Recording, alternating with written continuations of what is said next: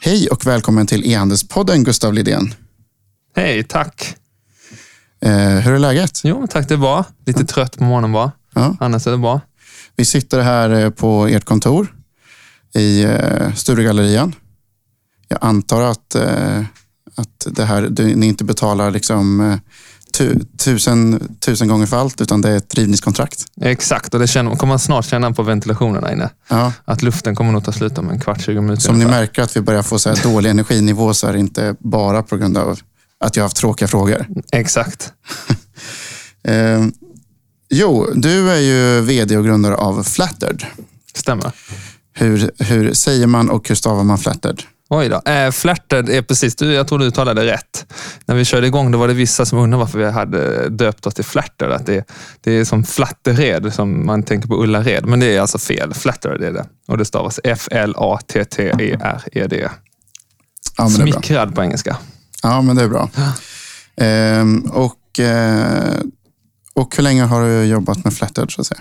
Vi körde igång 2013. För, eh, produkt, första produkten var ute i handeln eh, i oktober 2013. Och Då var det en eh, innetoffla, en, en ballerinasko för inomhusbruk. Så, Nästan exakt fyra år då. exakt. Ja. Blir det någon fest? Vi har inte planerat något faktiskt. Vi ska på eh, konferens i Spanien idag, teamet. Så då kanske det blir lite fest där nere. Just det. Och till alla lyssnare som, eh, så måste jag ju också säga att jag sitter i styrelsen, så jag har liksom ett inifrån och ut perspektiv på vissa saker. Festen blir inte godkänd alltså. Exakt. Eller varför fick inte jag följa med till Spanien? Exakt. Ehm, nej, men bara så att ni vet att jag är biased när jag frågar saker. Eh, om jag låter ovanligt positiv. Men det är ett väldigt fint bolag också. Eh, men eh, om vi börjar med dig då. Eh, du, eh, var kommer du ifrån? Eh, Jag kom från Lund. Född på 80-talet. Eh, Men lämnade Lund för att sen plugga ekonomi i Uppsala, när det var dags att plugga. Mm. Och, och så har du pluggat ekonomi i Uppsala. Exakt. Och vad, från Uppsala till nu, vad har, vad Ja, jag gick ut 2010 i Uppsala och då var jag väldigt inställd på att jag skulle jobba finans resten av livet. Eh, Så jag började på bank direkt efter, på Carnegie Investment Bank eh, och var där eh, ungefär ett år och sen så började jag på Vattenfall som managementkonsult och jobbade där ungefär i, i två år eh, för att sen blev utlånad till eh, Finansdepartementet. Jag På den tiden så lånade man tvärtom så att säga. Exakt, Ja. exakt. Jag blev utlånad där som eh, skulle vara analytiker för ägaren staten på Vattenfall. Mm. Det var som tur var efter Nuon-härvan, så jag har ingenting med den att göra. Det, är, det är inte ditt fel helt enkelt. Exakt. Ja, nej, det är bra. Jag, jag har också jobbat med Vattenfall så jag vet ju. Jag kommer efter härvan. Wow.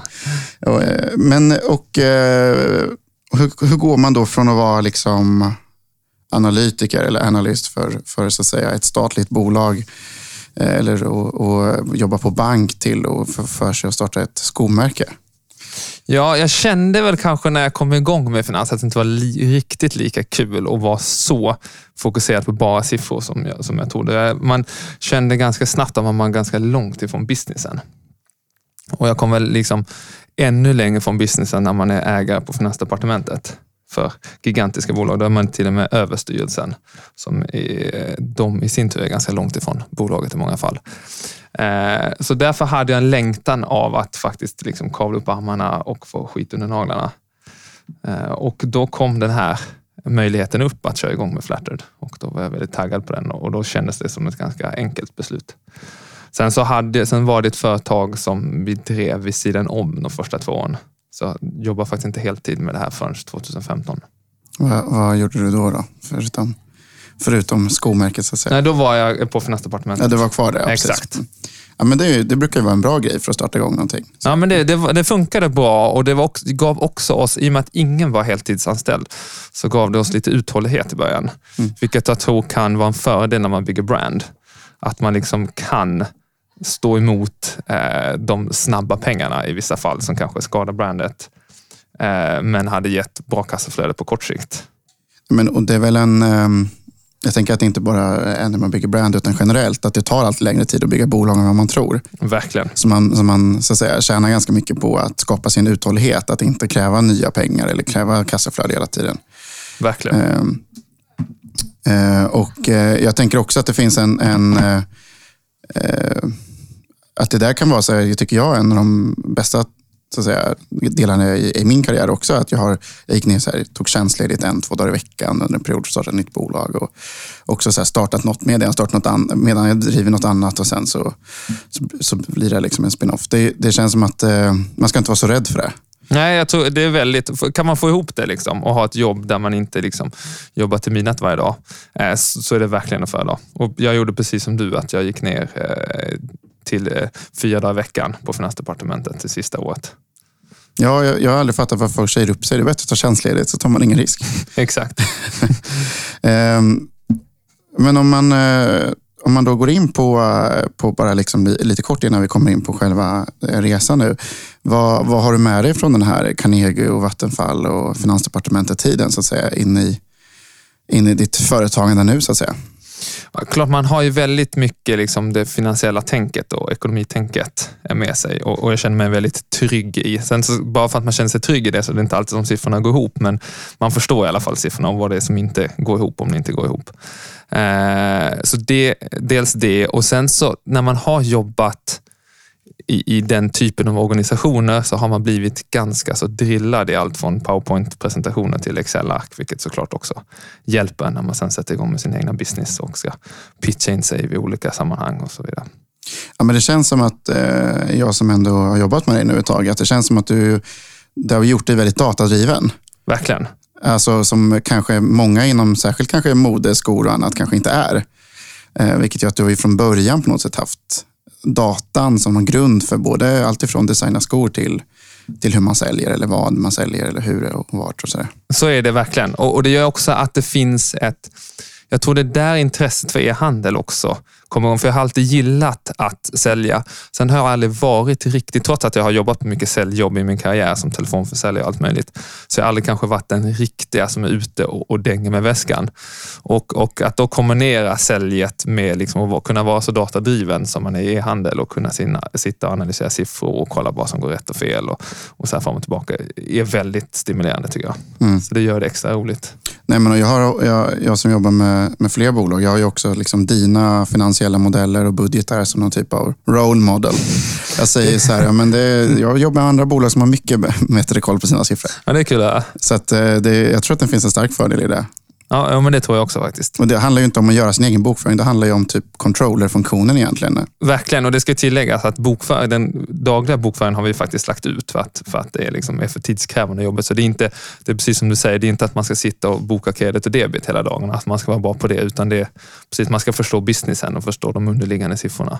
Mm faktiskt jag som har jobbat med det där förstod ingenting av credit och debit när vi satte igång med företaget. Trots att jag trodde att jag var expert på det och har suttit och stirrat in i många balansräkningar och resultaträkningar som helst. Och har pluggat ganska många år på ekonomi. Verkligen, och har till och med att någon sån här licens att jag kan bli revisor.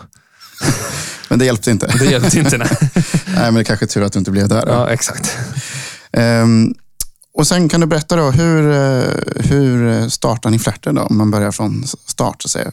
Ja, det var, eh, från, från, mitt håll så var det jag och eh, min sambo Hanna.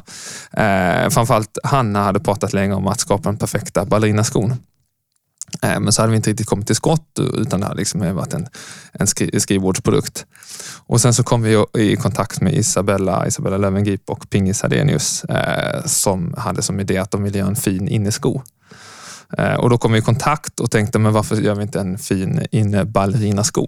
Så slår vi ihop den idén och det kändes väldigt naturligt som, som en innesko. Det kändes liksom lagom fin och lagom kommersiell och lagom liksom enkel omfattning att få oss att, att få ihop. Liksom. Och vi visste, eller vi hade en, en, tydlig idé på hur den skulle vara och hur den skulle se ut.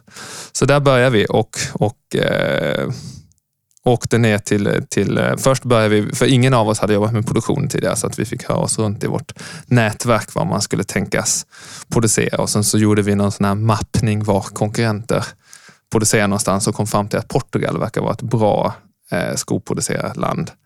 Eh, och också tillräckligt nära för att kunna besöka fabriken någorlunda ofta. Eh, så då blev det Portugal. Eh, vi hittade en fabrik där nere som gjorde väldigt bra skor. Vi fick faktiskt in Eh, prov från tre olika fabriker. Eh, och det var framförallt en fabrik som, som fattade bäst liksom och kunde göra den produkten som vi ville ha. Så med den med den produkten, det samplet som vi då fått av den här fabriken, så gick vi då på säljmöte. Eh, och fick in, lyckades få in faktiskt vår första kund som var Venue Retail Group. Det vill säga som driver NKs skoavdelning och även Ritz-butikerna. Fick vi en order i, i juni och då hade vi haft vårt första möte, jag, Hanna, Isabella och Pingis i mars. Så det var bara tre månader senare. Då hade, kom vi med det här samplet och hade liksom gjort en powerpoint på vilka färger vi hade tänkt oss. Och, och de köper in, jag tror de köpte in 1500 skor, par skor. Uh, eh, och, och, vi trodde i princip att, att vi tänkte bara att möte och presentera, liksom, det här håller vi på med, skulle det kunna vara något för er i framtiden? Men de ville köpa in direkt och, och det var knappt så att vi fattade att de ville, liksom, de ville ha leverans i oktober. Och det här var juni, vi har inte ens meddelat fabriken att vi ville jobba med dem. Så sagt och gjort så, så eh, liksom åter, fick vi återgå till, till fabriken och berätta nu att eh, nu har vi här eh, så här många skor vi ska köpa. Eh, och de, jag tror, de försökte såklart hålla lugnet i någon form av förhandling. Där. Jag tror att vi var ganska färska i den här förhandlingen. Vi kunde nog pressat priserna ganska bra, för jag tror inte de hade räknat riktigt med att de skulle få en order på 1500 par, utan det var snarare liksom så 80 par de trodde att de skulle få. Eh, men det gick vägen eh, med nöd och näppe. Vi levererade dem i oktober som vi hade sagt. Men rolig sak också att vi två veckor innan leverans ringde fabriken också och frågade ah, vad hade ni tänkt för skolorder till de här eh, skorna. Då var det, oh, jäklar just det, skolorder också. Så det var så här, ta en naturfärgad låda och så tryck vår logga på den bara så får det, får det duga för den här säsongen. Sen har det blivit en, det är ganska roligt för det har ju blivit en av våra liksom, signum idag, att vi har väldigt fin paketering och det känns mm. väldigt genomtänkt och sådär. Men det, det, är där man kommer ifrån. Så att, det är väl också en bra lärdom att man liksom kastas ut och sen får man korrigera i efterhand. Och sälj först och sen gör, så att säga. Exakt. Eh, men det var jätteroligt då. Och då startade ni fyra så att säga från början då? och eh, började sälja helt enkelt direkt kan man säga. Exakt, exakt. och den orden funkar också. Det blir också lite så startkapital för oss nästan, mm. orden. så det var väldigt tacksamt. Och då, från de här 1500 skorna vad, eh, och ett år framåt, vad hände under liksom närmsta året från oktober? Första leveransen till och ett år framåt? Ja, var... första leveransen gick bra. Sen var man ju jättenervös att liksom, det skulle vara någon så här, sulan skulle släppa eller ullen skulle, ja, någonting skulle gå fel. Liksom. För vi hade inte knappt hunnit testa dem ordentligt. Eh, men de höll jättebra, så det, var, eh, det var inga problem med det. Sen kom de igång. Jag tror att vi hade lite seg start, så man var lite nervös för det också. Jag vet att inköparna också var lite nervösa, för de hade faktiskt tagit ett bett på det här. Liksom. Men sen så när liksom november och kylan kom och även julen började närma sig så gick det jäkligt snabbt tills de hade sålt slut alla.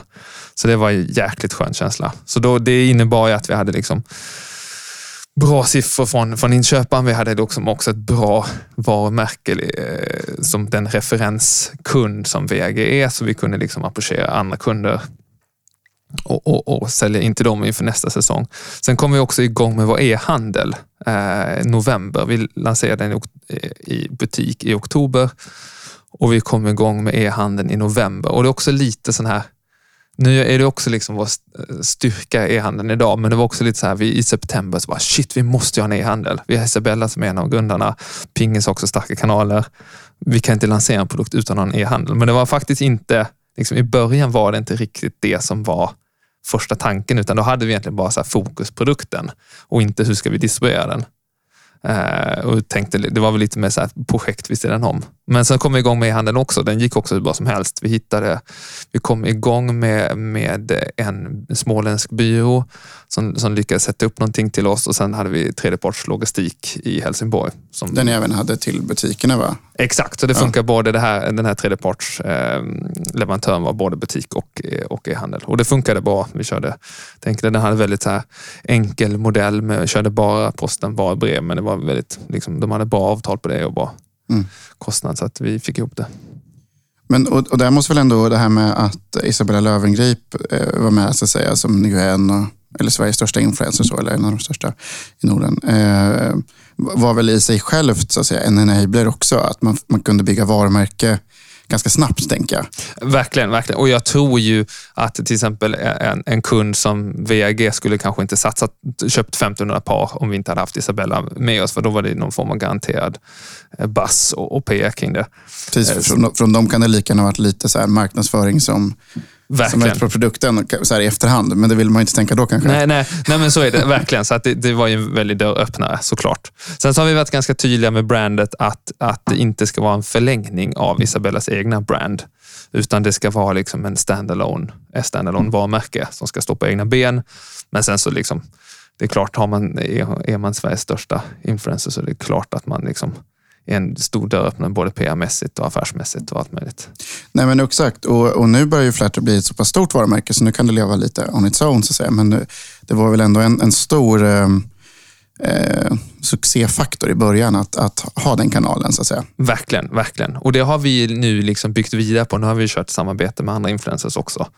För att det liksom har funkat så bra för oss och vi har det i, mm. liksom, i vårt DNA. Eh, så verkligen, visst är det så. Absolut. Och det har ju liksom, det var ju liksom i början till vad e-handel Eh, det var nog till och med så att efter ett tag så, bara, eh, så insåg vi att vi hade nästan blivit liksom för fat and happy. För vi behövde liksom inte SEO-optimera på samma sätt som någon annan. Vi behövde inte köpa trafik Nej, på samma sätt princip, som någon, någon annan, utan vi hade liksom en, en stadig trafikkälla genom Isabella. Nej, men alltså, jag, jag, jag har ju kollat Analytics, Analytics med. Liksom. Det var i princip trafik när det var blogginlägg och annars var det inte.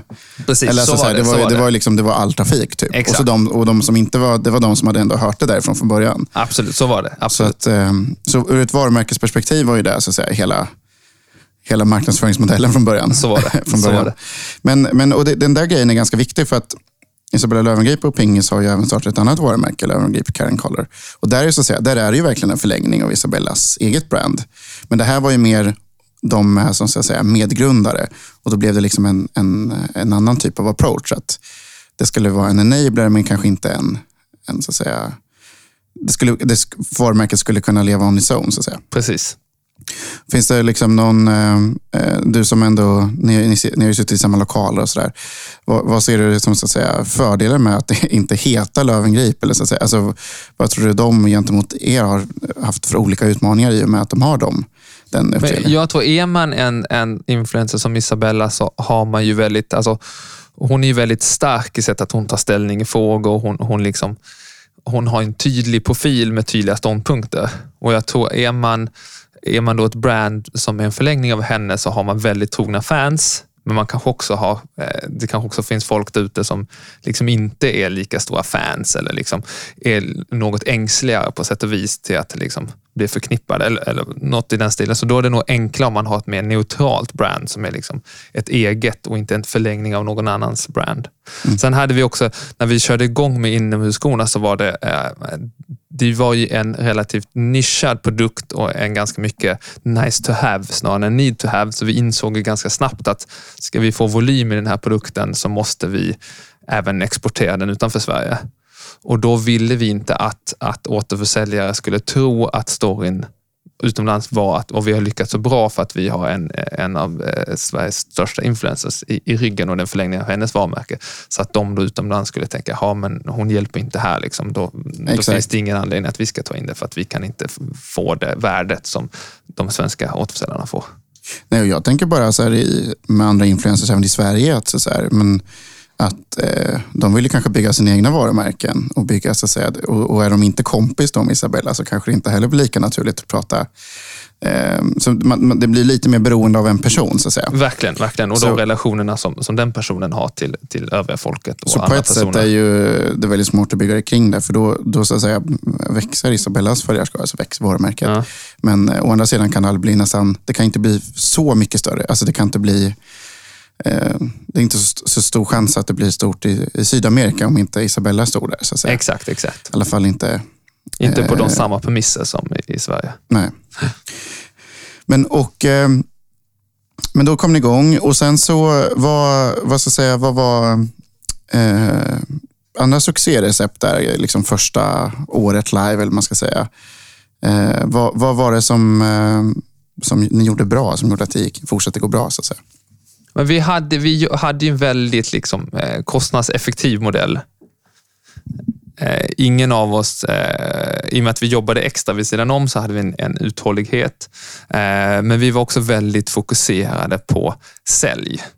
Eh, vi hade, jag tror att vi var liksom eh, vi var ju ett brand, men samtidigt så var vi nog, liksom, vi var inte rädda för att sälja helt enkelt. Trots att vi var ganska liksom, brandprotektionistiska så var vi ändå liksom, ganska pushiga så, eh, vilket gjorde att vi fick ganska snabbt volym i vår produkt och, och vi, lyckades, att vi lyckades få in det på väldigt bra återförsäljare också. Jag tror det, dels för att vi kom in på NK från början eh, så vi hade liksom, vi finns på Nathalie Schuterman som är en av de eh, liksom, finaste butikerna i Stockholm. Och det blir ju verkligen den fjärde hatten som också sätter brandet i, i dess rätta eh, Eh, kontext. Sen så sålde vi också in, det var inte, det, det finns ju än idag och det var, har ju aldrig varit några vidare volymer, men vi sålde också in till hotell lyxiga hotell. Grand Hotel finns vi på. Vi sålde på ett hem och vi sålde på Hotell Diplomat i Stockholm. Vilket också, jag tror, satte liksom, eh, var märkligt i en kontext som folk fattade vad det var för någonting. Aha, det, de säljs här och då, då, är det, då är det på det här och det här sättet och då kommer jag kunna ha de här skorna vid de här tillfällena och sådär. Sen var vi nog ganska tydliga också med vår story när man, det var ju en ny produkt på så sätt med inneskor. Det var ju, produkten kom ju ut av att de enda inneskor som fanns var ganska klumpiga eh, fårskinnstofflor som är jättehärliga och mysiga i, i en fjällstuga i, i någonstans uppe i norr. Eh, eller hemma liksom, när man går i mjukisbyxor och, och ser ganska slapp ut. Men det är ingenting du riktigt kan ha på dig när du får gäster hemma eller när du har liksom vanliga civila kläder på dig utan att det ser lite underligt och märkligt ut. Och det var vi, jag tror att det fanns ett behov där vi var ganska duktiga också då, också då med Isabellas blogg såklart att vi kunde berätta den här storyn. Att du behöver de här skorna för att det inte finns någonting annat du kan ha på dig när du får gäster hemma och du kan inte ha utomhusskor för att då sabbar du din pakett. Ja, men även på butikshyllorna så hade man inte så många peers. Så att säga. Nej, man, var, man stack ut lite grann. Så. Verkligen är så. Och det, det, var ju liksom, det var ju nytt för kunderna också, precis som du säger. Det var väldigt enkelt, snabbt att få kunna förklara liksom, det här är vi, vi är en, en ny innesko som man kan ha när man ser civil ut, när man får gäster. Så trots att det kanske inte de här återförsäljarna tror att det, liksom där, oh, det här är lika gynnsamt som det här den nya booten, så var det väldigt tydligt vad det var och det var någonting som saknades. Mm. Så vi kom ju också snabbt in på Selfridges och Harrods i, i, London också för att de, inte ens de hade liksom den här typen av produkten tidigare. Det var liksom, då var det någon kashmirsocka eller något liknande. Mm. Uh, så det var liksom en, ty, en tydlig produkt, en tydlig nisch som vi var också duktiga på att förklara varför man skulle ha den. Mm. Men man började en ganska smal nisch helt ja, enkelt. Precis. Och blev stor i den. Exakt. Men, men i det här eh, som du pratar om nu, det handlar väl också om att positionera varumärket. För det, det är ju ändå så att skorna kostar ju någonstans mellan vad är det, liksom, runt 1200 spänn. Eller precis. Sådär. Eh, och det är ju någon typ av premium eh, ballerina ändå, om mm. man säger så. Absolut, visst är det så. Eh, och så då, det handlar väl också om att här, bygga så att det faktiskt kan vara värt att, att köpa något. Mm. Att det är ett varumärke som det känns mycket bättre att ha köpt liksom en, en premiumprodukt i ett premiumvaruhus än, än var som helst. Att säga. Mm. Ja, visst är det så. Ja, Men det måste ju tagit ett tag innan man fick in den känslan hos kunderna, att, de att det verkligen var premium ja, varumärke. Ja, eh, så var det. Men jag tror ganska snabbt vi fick i och med att vi kom in på de återförsäljarna vi kom in på och, och också det snappades. Det var en ganska rolig produkt också på det sättet att det inte riktigt fanns innan, så även media tyckte det var ganska kul att skriva om. Vi kom ganska så här i Damernas Värld och L och de typerna av tidningar ganska snabbt för att det var något nytt. Liksom. Det var någonting och det var, passade jättebra att skriva på sådana här wishlists. Och liksom, det var ju en perfekt julklapp. Så vi, ganska snabbt fick vi liksom PR kring det. Så att, och, och sen så var vi med i den här NKs jultipskatalog och, och sådär. Så att ganska, jag tror vi lyckades snabbt sätta, sätta eh, varumärket och kontexten och varför folk skulle ha det och att det var premium, varför det var premium. Det var tillverkat i Europa till skillnad från de andra och det var bara skinn rakt igenom och det var väldigt så bra material och så. Men sen så, eh, när ni har gjort det här och fått upp en viss volym och så här, vad, vad händer då? Det, det, var ändå någon typ av platå om man tittar liksom historiken. Alltså ni började liksom komma upp, en, ändå sålt ganska mycket i Sverige men liksom inte sålt så mycket utomlands än i volymmässigt. Och så här. Vad, vad, liksom, vad var eh, Liksom, för det är ändå så att de senaste två åren har det gått ännu snabbare. så att säga. Visst är det så. Och det var, jag tror det var, för I början var vi väldigt fokuserade på att vara liksom en produkts brand. Eh, och Det kändes bra och rätt. Det var många som sa att det här, det här är liksom det nya och det är så här man ska vara. Det, köpa det. Problemet var att det var, dels så, eh, så träffar man, i och med att det bara var en höstprodukt, den sålde inte alls speciellt bra på våren. Så träffar man bara inköparna en gång om året istället för att om man hade haft utomhusskor också så hade man träffat inköparna två gånger om året, vilket är att man får en helt annan relation till dem. Man måste liksom påminna att man finns varje år annars. Eh, och sen så hade vi liksom hela Q1 och Q2 var det stiltje i princip. Så då var det så här, nu måste vi göra någonting. Vi var ett tag var vi inne på, ska vi göra liksom snygga badrockar istället som passar liksom, och bygga vidare på den här loungewear-grejen. Men vi kände hela tiden att skor var roligare. Eh, vi hade, det är samma fabriker som gör de här inneskorna som även gör uteskor, så det var liksom mer naturligt att göra en produkt som även, även finns på våren. Och sen så var det även många kunder som efterfrågade och gillade vår modell och hur den såg ut och hur den satt på foten. Så att de ville ha den som en utesko också. Så det var liksom, när vi bestämde oss för, för, att vi skulle göra uteskor så blev det en helt annan grej och då kunde vi ha en helt annan, liksom, helt annan relation med våra återförsäljare. Vi fick anledningen till att snacka med dem flera gånger om året istället för att bara snacka med dem en gång, två gånger om året. Och sen så märkte vi att, att det gick bra med uteskor och vi kunde ge mycket mer där mm. för att det efterfrågades. Eh, och jag tror att vi hittade, uteskorna är lite dyrare än inneskorna. Eh, dock så kostar de typ lika mycket att tillverka och det är snarare att vi har dåliga marginaler på inneskorna än uteskorna. Men vet, vi har ändå hittat en nisch eh, med uteskor som ligger lite under våra andra skandinaviska peers. Eh, men ändå på en nivå som, som känns premium och det känns något lyxigt, det var en bra förpackning och bra kvalitet.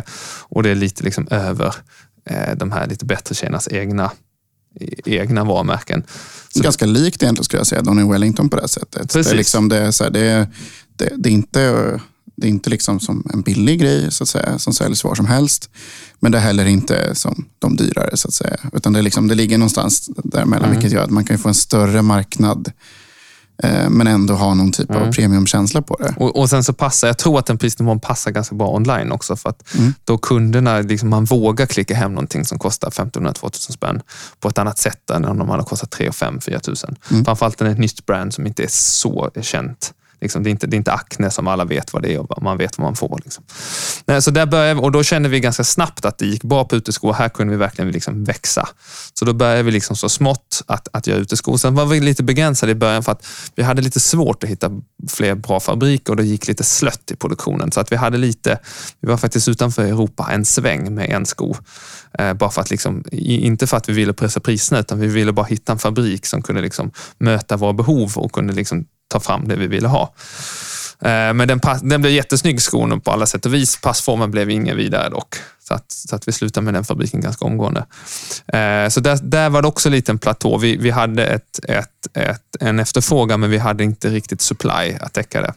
Sen så kom jag i kontakt med en spansk agent på en, en skomässa i Italien eh, som producerar i Spanien och, som visar sig vara hur bra som helst och som vi jobbar med 100 procent idag. Som, så nu är det bara spanska? Nu, är det bara, så nu har vi även lämnat Portugal, minneskorna, så nu kör vi helt i Spanien. Men det, det där är ju också en utmaning som, som så här, varumärkesbolag eller de som tar, gör egna produkter. Så att säga.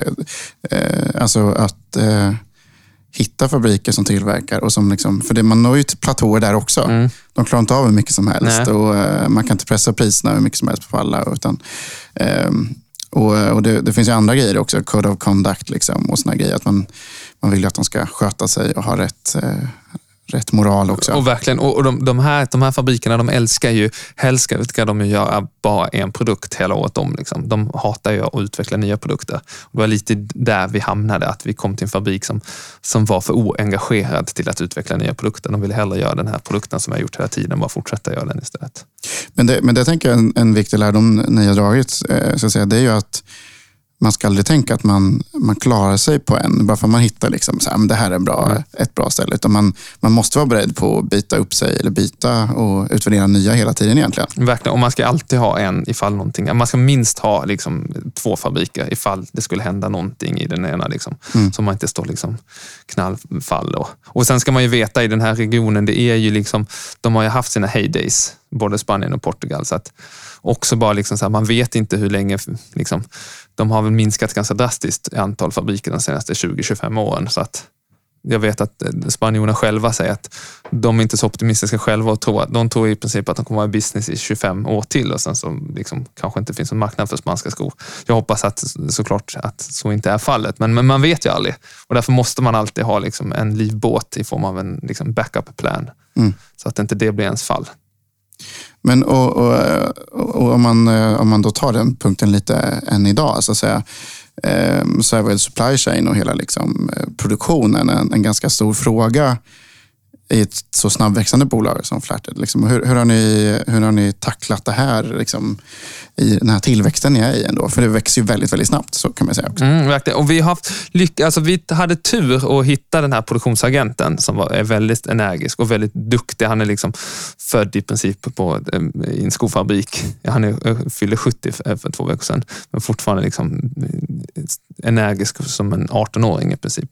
Och, och, vi producerar i en region utanför Alicante. Där det är verkligen liksom ett, jag tror den regionen och sen finns det en liknande region i Italien.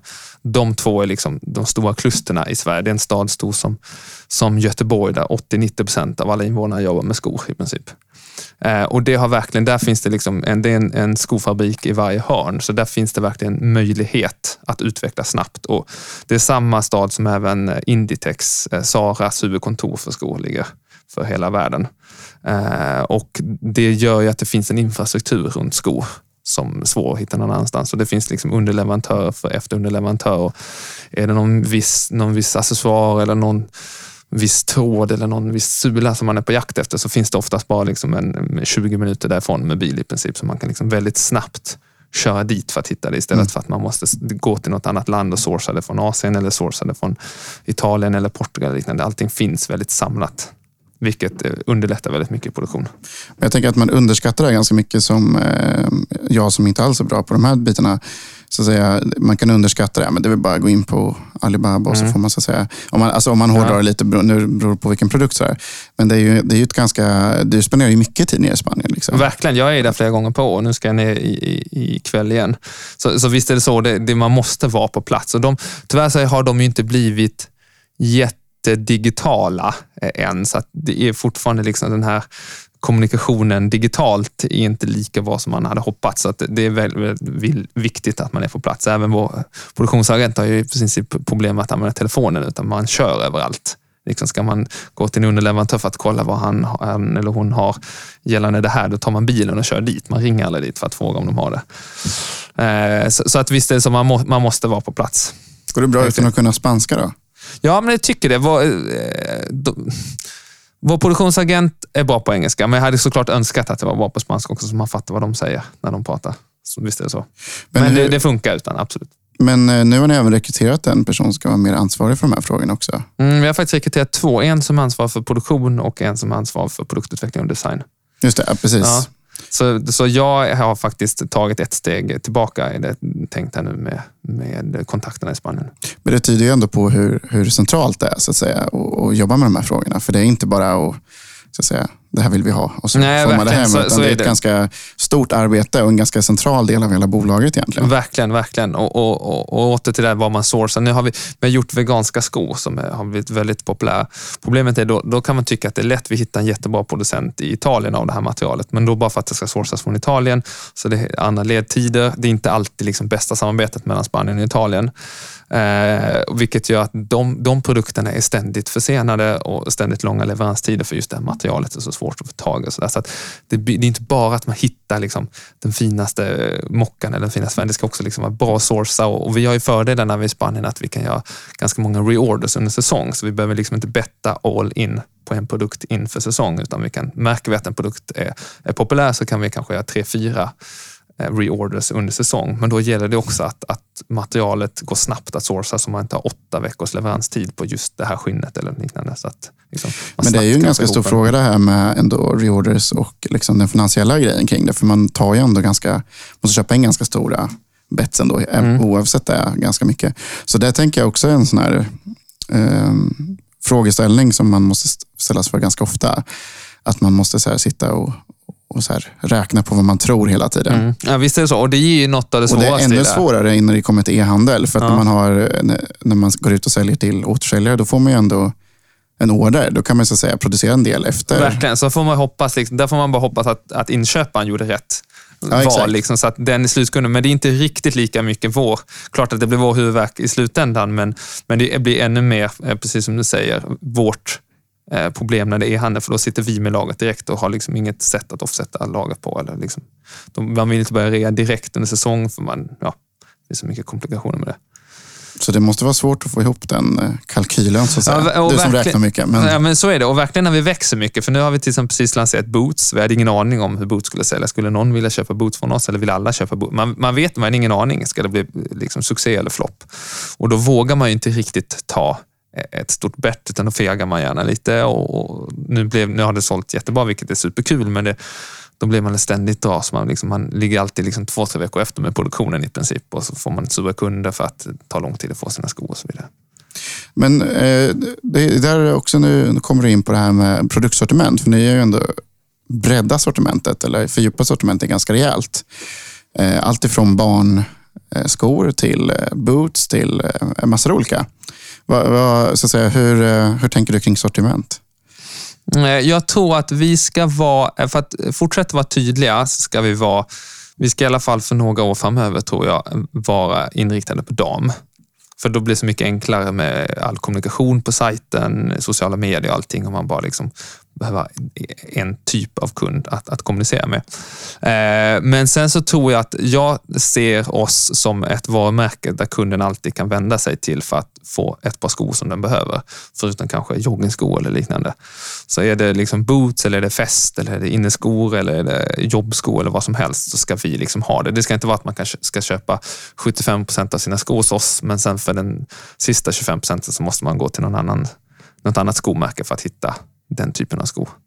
Men man ska ändå kunna vara en ganska bred aktör. Så Absolut, i- Nej, en bred man- aktör. En bred aktör, absolut. Och det är ju det är också ett så här varumärkesskifte som har hänt. Det är ju egentligen bara ett och ett halvt år eller, så där, eller två år som det, där man gått från att bara vara ett ballerinaföretag till ett skomärke. Verkligen. Hur, hur, eh, hur gör man det så att säga? Förutom då att lansera nya produkter. Hur får man varumärket att hänga med i den resan? Ja, man får ju vara noga med att- kommunicera det hela tiden så att folk förstår. Och vi, det, det tar ju lite tid. Vi hade till exempel nu när vi lanserade bootsen, de, finns tyvärr inte hos så många återförsäljare idag, utan mest eh, liksom online. Och Det var ju för att när vi kom till de här mötena när vi skulle sälja in, då, då sa återförsäljaren, oj, har ni boots nu också? Och Det kanske var också vårt fel att vi inte hade kommunicerat ännu bättre. Men då var det så här, jaha, ja, men det är bra att veta till nästa år. Eh, för nu har vi redan köpt våra boots och vi har liksom redan våra leverantör på den här typen av produkter. Så det tar lite tid, eh, eh, men jag tror man måste vara väldigt tydlig med det. Sen så innebär det liksom allt från hur man kommunicerar på sajten. Vi, ska, vi har ett projekt nu, vi ska göra om vår logga till exempel, vår visuella profil, för att den är fortfarande ganska ballerinig. Den har en liksom ballerina-rosett i slutet på, på eh, loggan, som vi också använt vid olika tillfällen. Och, och, och Det är kanske någonting man måste se över nu när vi inte bara är ett ballerinamärke.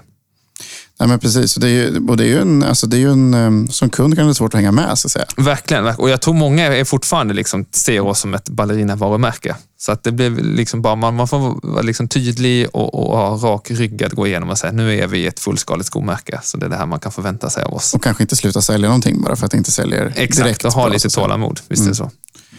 Eh, Men det finns ju också säsong så att säga. Eh, Hur många liksom, kollektioner släpper Flatted Pro, eller man ska säga, kalla det. Vi har ju, vi har ju två, liksom, Eh, vi har, det är mycket höst och vår, men sen så har vi gjort, och vi har inte riktigt delat upp det i, i många kör ju kanske klädmärken kör fyra olika säsonger, eller ännu fler om man kan göra det. Eh, men vi kör ju, vi, vi lablade fortfarande liksom SS18 nu och AV18. Däremot så har vi i princip, vi har eh, också, eh, dels för att, att ha bättre likviditet och dels för att det ska bli mer liksom roligare för kunden att följa oss, så släpper vi i princip den första SS18 skor nu släpps redan i, i slutet på november och sen så är det liksom flera släpp varje månad till och med april i princip. Så på sätt och vis så kan man säga att vi har flera olika kollektioner, men vi säger att det är en kollektion, men då liksom fyra, fem, sex olika släpptillfällen. Just det, så det är som man, eh, lite så här mot OF blir det ungefär ett släpp. Men Exakt, mot, men mot eh, kund, så, marknadsföringen, så blir det många. Exakt, och, och, och OF-arna lä- de lägger liksom en stor order inför säsong, men då är de medvetna om att de här leveranserna kommer att vara utspridda på kanske fyra gånger Mm. under året. Känner du liksom en konkurrens där? Att det kommer nya aktörer som är ännu snabbare med att hoppa på trender och släppa skor utanför säsong och sånt där? Ja, alltså det är klart, alltså, de stora jättarna, framförallt Sara, är ju superduktiga på det. Eh, det ska man inte sticka under stolen med. Om, om Men jag menar, det. det är många andra också. Så att säga. Det är, det, Ja, det är jo, väldigt, Folk är väldigt snabba ut med... Ja, det är de. Det är de. Eh, jag tror, jag, än så länge har jag... Alltså, det är klart man är stressad för det, men vi, har, vi är också ganska snabba. Eh, och I och med att vi är, vi är 70 e-handel idag, så har vi möjligheten och en egen stark distributionskanal att, att få ut eg, egna produkter i. Så märker vi att oh, den här trenden missade vi, den här färgen missade vi. Då slänger man in en online exclusive helt enkelt och, och, och trycker på den. Så att vi, har, vi är ganska snabba vi också. Så att jag, är inte, jag är inte nervös att någon annan är snabbare än vad vi är. För vi kan, är det en, en, en, liksom en läst som det heter, som vi redan har, och så, så kan vi få fram en sko på ungefär fyra veckors tid. Så det, det finns en, en agilitet så att säga. Eller man kan jobba ganska iterativt om man skulle Exakt. vilja. exakt.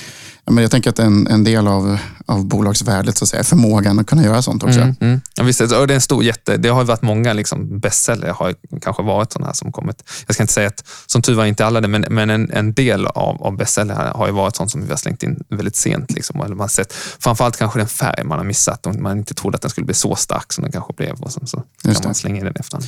Och om man, innan vi lämnar själva produktsortimentet, då, vad, vad är liksom next step där nu då? Vad, vad ser vi framför oss närmsta två åren? Så att säga? Vad, vad tror du? Hur många produkter kommer, kommer Flathead sälja? Liksom, hur många varianter och sådär?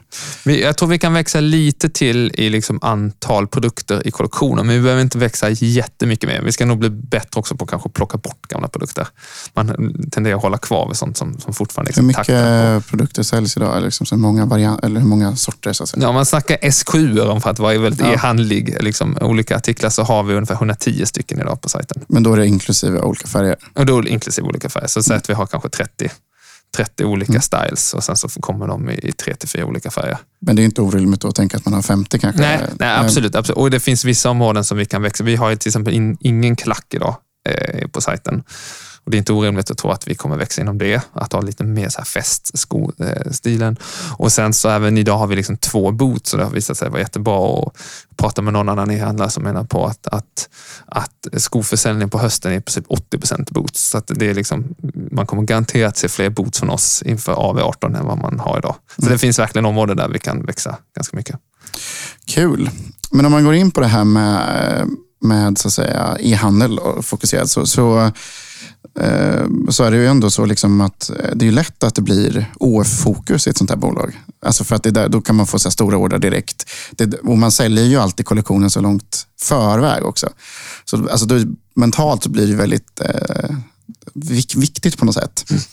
Medan på e- e-handeln ska de här produkterna ut liksom om ett halvår eller så. här. Då blir det som att man, man har redan liksom lagt, glömt bort dem när de väl ska ut på sajten nästan. Hur, hur, eh, hur så att säga, svängde du om bolaget till att bli mer e-handelscentrerat, vilket du har gjort? Eh, ja, det var väl... eh, dels så såg vi att det funkar så bra. Sen så har vi haft bra diskussioner i styrelsen också. Liksom. Mycket bra. Mycket bra. Nej, men det, vi har liksom, det har du varit en ganska bra pådrivande kraft också, liksom, att det här med eh, e-handel först. först. Inte, inte för att jag inte tyckte att den ska vara först, men bara liksom ändra mindsetet väldigt mycket eh, mot att det verkligen är först. Och Sen har vi sett, liksom, det har dels varit det och sen så har vi sett att vi har, det har funkat väldigt bra. Det har inte varit liksom så mycket, det har inte varit att, att någon har sagt så här, "Ja, vi ska vara e-handel och sen så får man dra motvind och så har det inte funkat så bra. Utan vi har verkligen varit medvind i det också, vilket har gjort det ganska enkelt att fokusera på det. Eller rent mentalt. Och vi har Ja, men jag tänker, precis, men om man bara tar det lite så här, för två år sedan så var väl, nu kommer jag inte ihåg exakta siffrorna, men det var väl någon slags här, av omsättningen, 25 procent var e-handel och resten var OF. Men däremot var det liksom större del av vinsten Ja, eh, exakt. e-handel. Men, men, och där har det verkligen förändrats nu. Liksom. Så Ja. e-handeln är ju största kanal på alla, alla sätt och vis. Eh, och det är väl ett fokus ändå som krävs då. Ja, det är det. det, är det. Och, och hitta, liksom vad, hitta eh, sitt sätt att göra det på, tror jag. Eh, dels fokus att, att få det, liksom, det ska vara bra och sen så har det väl varit, nu har vi liksom, vi har senaste åren identifierat vad funkar för oss online. Och sen så jobbar mycket mer och mer, mer med det. Och blir väldigt här, fokuserade på det som ger värde för oss. Nu har jag ju varit med i den här resan, men, men jag, jag ser ju liksom kanske några så här, milstolpar på det här omsvämningen. om Man ska säga. En var ju dels att, att eh, sluta jobba med de flesta online OF också. Exakt. Eh, vilket kan vara så här bold liksom, Ja. och kan vara liksom obekvämt, för de köper ju ofta volymer och säljer ganska mycket. Men jag tänker att det har varit en ganska här, stor del av succéreceptet, att man inte konkurrerar med sig själv Nej, det har varit väl, exakt. Från början har vi, vi har alltid varit lite rädda för andra e-handlare, framförallt de stora aggressiva. Sen har vi blivit ännu mer, vi har liksom landat väldigt eh, stabilt i att, att vi ska köra själva. Sen har vi vissa som vi har släppt in som vi tycker kompletterar oss bra. Men, men som du säger, vi har inte behövt liksom konkurrera i Google med andra e-handlare. Vi har aldrig liksom behövt lägga jättemycket pengar på AdWords bara för att vi inte haft den konkurrensen i, i söket. Ja, precis. Vilket... Googlar, man, googlar man så är det inte så fyra OF innan man kommer till, precis, till, precis. till egna sajt. Men, eh, så det tänker jag har varit en central eh, grej ändå. I, kanske också, eh, som du sa, så hade ni varit lite försiktiga med det här. Så ni hade inte så många online OF eh, som var så aggressiva. Det var liksom några. Men så här, och då, då det tänker jag kan vara en bra lärdom till andra som lyssnar på det här. Att om man är ett varumärke eller har Eh, att, att så här, desto tidigare man gör, tar det här beslutet mm. och testar det, att eh, desto lättare är det. Det är mycket svårare när så 30 procent av ens volym går via de här online Ja, men verkligen. Att då, av den då. Då är det så att säga, ganska jobbigt ja. att, att, räkna hem det. Eh, eller troligtvis inte så svårt att räkna hem det, men det är lite bold kanske. Ja, och sen så då om 30 procent, då sitter alla de här andra OF-erna på, på den kunddatan av, mm. av de som vill köpa den produkten. Liksom. Så det tar ju lite tid att då styra om och få in dem och hitta dem till din butik istället. Och de får inte in samma nyhetsbrev och samma liksom, pushar för dina produkter. Som, mm som de kanske under en tid innan de hittar då till eh, din sida om du vill fortsätta. Jag tänker den andra grejen som jag tror man... Ehm, eh, jag ska inte säga att, att jag drev absolut inte för det här bolaget och var duktiga på det redan innan, men att det finns liksom en, en eh, ett tänk kring varumärken tycker jag, liksom varumärkesbolag. Att man, man låter liksom varumärkena bygga ens varumärke ganska mycket. Man liksom låter dem marknadsföra en mot sina kunder. Och, och i reklam och sådär istället för att man själv gör det. Och det tänker jag att eh, Flathead hade lite så här, lite ovanligt bra förutsättningar för eftersom man själv hade via influencers och annat byggt varumärke väldigt tidigt själv. Och det, det, det tycker jag är en ganska stor del av, av Flatheads succérecept. Att man så från början har velat ha en egen kundrelation och bygga varumärket själv till kunderna. Och OF är bara en kanal, men man räknar ju inte med att, så att säga, NK lyckas dra in varenda kund själv och köpa, utan man måste pusha lite trafik till NK Verkligen, och där tänker vi nästan liksom Alltså jag, jag tror med vårt onlinearbete och varumärkesarbete eh, online så tror jag, det är nästan vice versa, liksom, att, att det är vi som hjälper. Sen nu ska man inte underskatta liksom NK för att det är en jäkla flöde på folk och de har en jäkligt bra kundklubb och allt möjligt. Liksom. Men jag tror många återförsäljare drar väldigt stor nytta av det jobbet vi gör snarare liksom, vice versa kanske. Jag tänker att det inte är jättevanligt bland alla varumärken. Nej, men så, så kan det nog vara. Eh, plus att man då kanske också i, i, eh, i det arbetet så, så, så, så, så, blir det också, om man blir duktig på det här, att man säger nu tar vi in en OF, men då ser vi också till att det funkar. Då har man skapat en förmåga att, att OF blir mer nöjda också. Precis. Att man, så här, eh, man ser till att de faktiskt lyckas på något ja. sätt också. Men och, och om man då tittar på på e-handeln i övrigt. Så det, liksom, det är ju en, det är en vanlig WooCommerce-sajt. Det är inget jättekrångligt så. Eh, men vad har annars varit så att säga, eh, de viktiga så här, grejerna som, som Flärtet har gjort för att få onlinekanalen att flyga? Ja, förutom att ha en, liksom en bra och enkel sajt att handla på så har det varit eh, eh online marknadsföring och influencers. Vi har jobbat väldigt väldigt aktivt. Dels med att se till så att influencers liksom, jobbar med influencers så att de pushar för våra skor.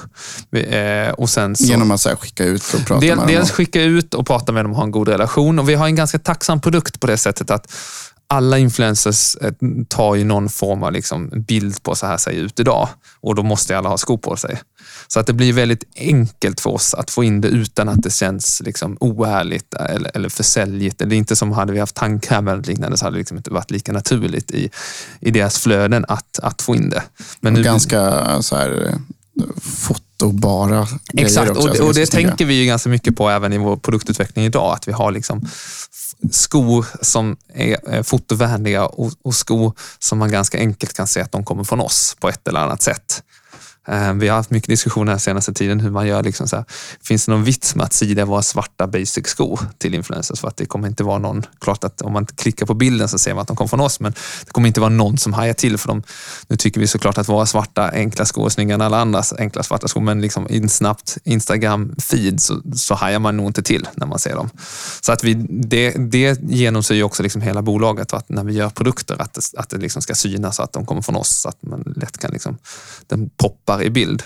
Eh, och sen så har vi ju kört, eh, eh, vilket har varit väldigt framgångsrikt för oss, samarbeten, mer djupgående samarbeten. Vi hade en, eller har ett samarbete som fortfarande är väldigt ehm, aktivt och, och aktuellt. Och det är ju, vi gjorde en, en sandal med en influencer som heter Michaela Forni där hon fick designa eh, en produkt för oss eh, som, som blev en sandal och som, som blev väldigt populär och väldigt bra. Och, så, och det blev liksom väldigt jag tror att, att, att, att det vi gjorde bra där var att vi gav influensen väldigt mycket makt. Vi hade en, en, en modell som gav bra incitament och, och vi hade ett upplägg som gav liksom ganska fria tyglar till influensen, vilket gjorde att, att, att båda parter i samarbetet tycker att det är väldigt kul att jobba. Vilket är liksom framgångsreceptet. Plus att man ju, ni har lagt väldigt mycket tid på det. Så att säga. Verkligen. Det, och det, det har verkligen liksom och det är liksom verkligen inte så lite mejl, utan det har varit liksom ett väldigt aktivt samarbete. Verkligen, verkligen. Um, och jag tror båda parter i det här samarbetet tycker att det har varit väldigt aktivt och båda är liksom, har 100% hjärta i det här projektet. Mm. Nej, men och, det, och det är väl en, eh, det är ju liksom ett jag tänker liksom det finns två sidor av att jobba med influencers. Det ena är det här, om man eh, uttrycker sig så, lite fabrik. Alltså, ja. Eh, se till att skapa systematik och skicka ut x antal och sida x antal influencers per, per vecka liksom, på olika marknader och se till att folk på något sätt postar grejer där det skorna syns. Men, eh, men det andra är ju det här kanske liksom engagerade samarbetena som faktiskt är precis som att man skulle haft något annat samarbete. Verkligen verkligen. Så, att, eh, så att dels, dels det har ju funkat superbra för oss. Eh, och sen så ska man inte sticka under stol med att Facebook är en väldigt bra kanal. Liksom. Och det har ju inte varit så jättelång historik med Facebook, men det har ju varit en, så här, en, en extremt bra kanal verkligen, över, senaste liksom, året. Man ska säga. Verkligen, och det tror jag var när vi fick liksom alla saker på plats på Facebook så vi kunde ha liksom, en vettig uppföljning av kanalen. Jag vet inte om jag, många i handlar skulle säkert tycka att jag är naiv, optimistisk med att lita för mycket på liksom, Facebooks egna, egna rapportsystem som får liksom, ibland tycka oförtjänt mycket skit för att de liksom tycker att de liksom tar en för stor del av kakan och en för stor ära. Men jag tror på något sätt så finns det något värde där som de faktiskt visar som man tappar annars. Så att, att, att komma igång med det på ett bra och systematiskt strukturerat sätt har verkligen funkat jättebra för oss och vi, och vi säljer jättemycket genom den. Och jag tror också nyckeln där är att, att vi har det in-house. Mm.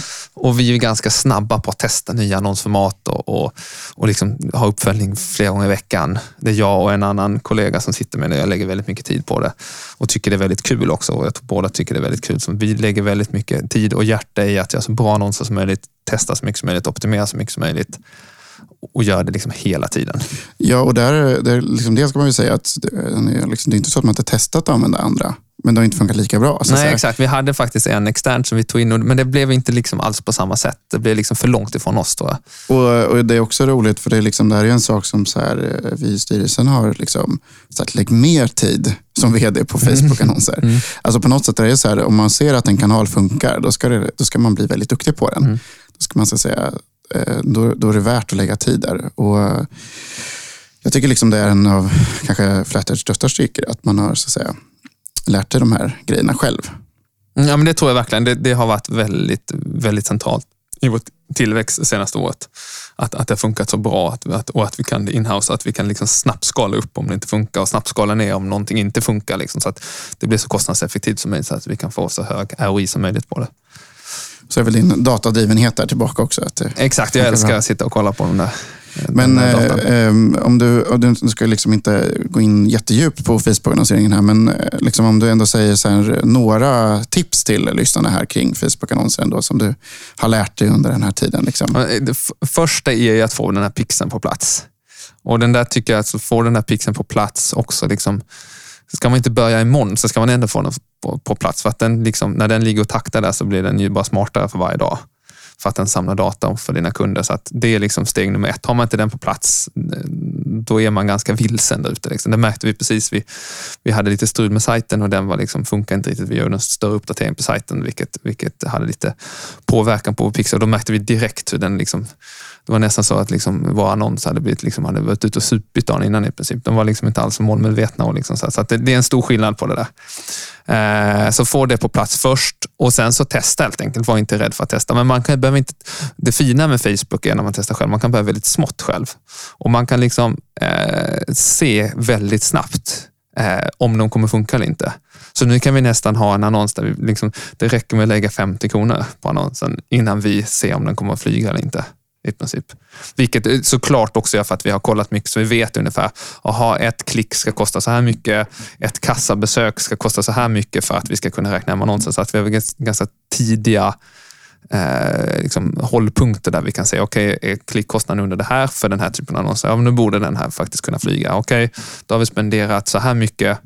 Har någon kommit till kassan än? Eh, om ingen har köpt så kan vi kolla, ja, någon kom i kassan och vi har bara spenderat så här mycket. Ja, men då borde vi faktiskt, för att vi vet att en av tre, ganska exakt en av tre som går till kassan kommer köpa. Så då kan vi räkna att ja, det här kostar en gånger tre, då kommer det, då kommer det flyga. Liksom. Får vi bara in tre i kassan så kommer en köpa.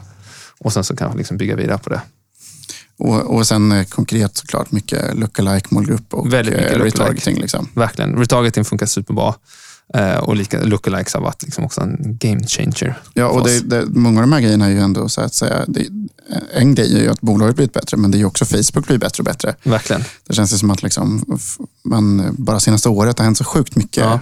i möjligheterna man kan göra med Facebook. Verkligen, och de har gjort en annons, alltså annonsverktyget är verkligen så att liksom, det är bra att jobba i och man har mycket möjlighet. Vi testade Snap också eh, för några veckor sedan och de, jag kan säga att de har en lång, lång väg kvar till att bli lika sofistikerade som Facebooks egna annonsverktyg. Sen kanske det är bättre i USA, jag vet inte. Jag hoppas det är för Snaps skull, men, men eh, här funkar det inte så bra i alla fall. En, eh, en annan e-handelsgrej eh, som, som man tänker på med skor, det är ju returgrad och hur mycket returer det är. Hur, är det mycket returer? Ja, det, det är det. Och det är väl alltid liksom en, en huvudvärk. Jag tror Uteskorna är, är nog 30-35 procents returgrad på. Det fina med inneskorna det, det är faktiskt att där har vi, där har vi faktiskt under 10 i returgrad.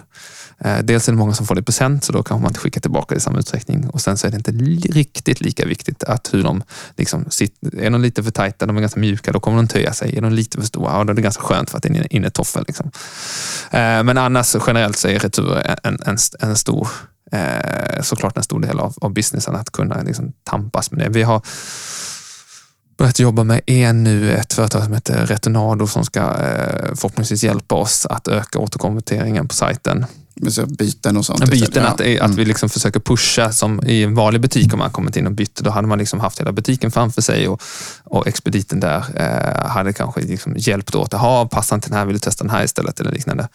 Eh, och då, eh, då ska det här liksom pusha samma sak. Att, att aha, du lämnar tillbaka den här, den här produkten. Aha, men då, för de pengarna du då lösgör, då kan du köpa den här, den här, den här. Eller ja, vill du ha till godo istället, då kan vi ha liksom någon, något incitament till att man tar till godo kvitto istället för att man tar pengarna tillbaka. Och, sådär. och det finns väl även liksom, alltså logistiklösningar för smartare returer också? Verkligen. Och, äh, verkligen. Eh, och, men där kämpar vi fortfarande. Jag ska inte säga att vi är...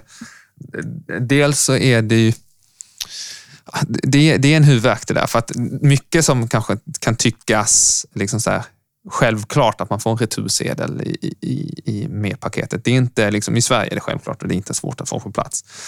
Men det är inte liksom självklart att få en bra lösning när vi ska skicka till Nederländerna eller Tyskland där det funkar på bästa sätt. För den finns liksom cross-border äh, internationellt. De, de, de, konstigt nog så de finns där de produkterna, men de är inte alltid så eh, prisvärda. De är inte alltid så bra. Vi testade med en stor tysk operatör och det gick åt helsike.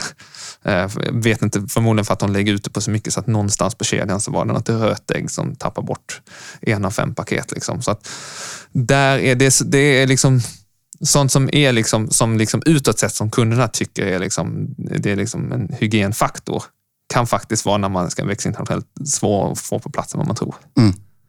Och inte liksom lika självklart. Det är inte bara att ringa till liksom posten och säga nu ska vi börja skicka till Tyskland. Vi behöver en bra tjänst utgående och en, liksom en bra returtjänst. Men det var det jag tänkte vi skulle avsluta med, lite internationalisering. För det senaste så ett och ett halvt åren så har ju Flatter försökt internationalisera sig lite grann. Liksom. Hur, har, hur har det gått? Nej, jättebra och det är eh, framförallt vi, vi, i början med ny, då vill man att ah, vi ska vara hela världen direkt. Liksom. märker man ganska snabbt att shit, det är, ganska, det är svårare och dyrare än vad man tror. Så senaste tiden har vi blivit ganska fokuserade. Så vi jobbar med eh, Finland, Norge, Eh, framförallt Finland, Norge, förutom Sverige då såklart. Och sen så har Tyskland kommit igång eh, bra på sajten. Tyskland är faktiskt vårt andra största e-handelsland på sajten. Eh, och där är det nog också liksom influencers och Facebook som, mm. som funkar bra. Eh, att fortsätta. Och det är väl den tryggheten som vi liksom har hittat vårt hittat vårt sätt att göra det på som vi nu försöker liksom exportera samma modell så att vi inte, så att vi inte kommer till ett nytt land och så testar vi ett helt annat sätt att göra det på. Och så är det alltifrån liksom samarbeten till Exakt, seeding exakt. till Så nu ska Facebook. vi göra, liksom, till, nästa år så kommer vi komma med ett, ett nytt eh, svenskt influencersamarbete, men förutom det svenska som med Emilia Deporé så kommer vi även göra med, med en finsk och, och med en, en norsk influencer. Liksom för att testa samma grej i de länderna som har funkat bra i Sverige. Just det. Och än så länge har responsen varit väldigt bra. Men, eh, men det måste ju vara, eh, i det här så är det väl också, i- liksom i Norge och Finland så finns det återförsäljare, men i Tyskland så blir det nästan en, inte alls lika, det måste vara jättesvårt att komma in på Ja. årsidan där. Det är ju så stort land. Liksom, så. Så. Verkligen, och jag ska inte säga att vi har lyckats i Tyskland. Liksom. Vi är bara Nej, och men det- naggar i Tyskland. Så att, eh, e-handeln funkar bra, alltså så här relativt sett, men vi har fortfarande mycket att göra där. Och, och vi har liksom inte, vi finns i någon sån här ströbutik där, men vi har liksom inte riktigt tagit stora klivet in. Och det är precis som du säger, jag tror att i, i, i vår bransch är det ganska viktigt att ha en bra lokal partner på plats som kan liksom ha den här dagliga kontakten med återförsäljaren och ha möjlighet att komma ut till återförsäljaren. om det ska En agent behövas. eller distributör. Exakt, exakt. Och Tyskland, precis som du säger, är så stort land. Så i Tyskland kanske man inte har en agent eller distributör. Det kanske finns en för, för varje region. Liksom. Så att det är ett ganska komplext land på det sättet. Och, och där har vi faktiskt tyvärr inte än hittat den rätta partnern för oss, utan det är något vi letar efter. Spännande. Om Mm. vi ska avsluta här nu då, vad, vad har du för tips till andra, kanske så specifikt varumärkesbolag där ute som, som jobbar mycket med e-handel eller vill satsa på e-handel? Eh, Jag tror som du, som du nämnde också, att var inte för rädd för att sälja. Liksom.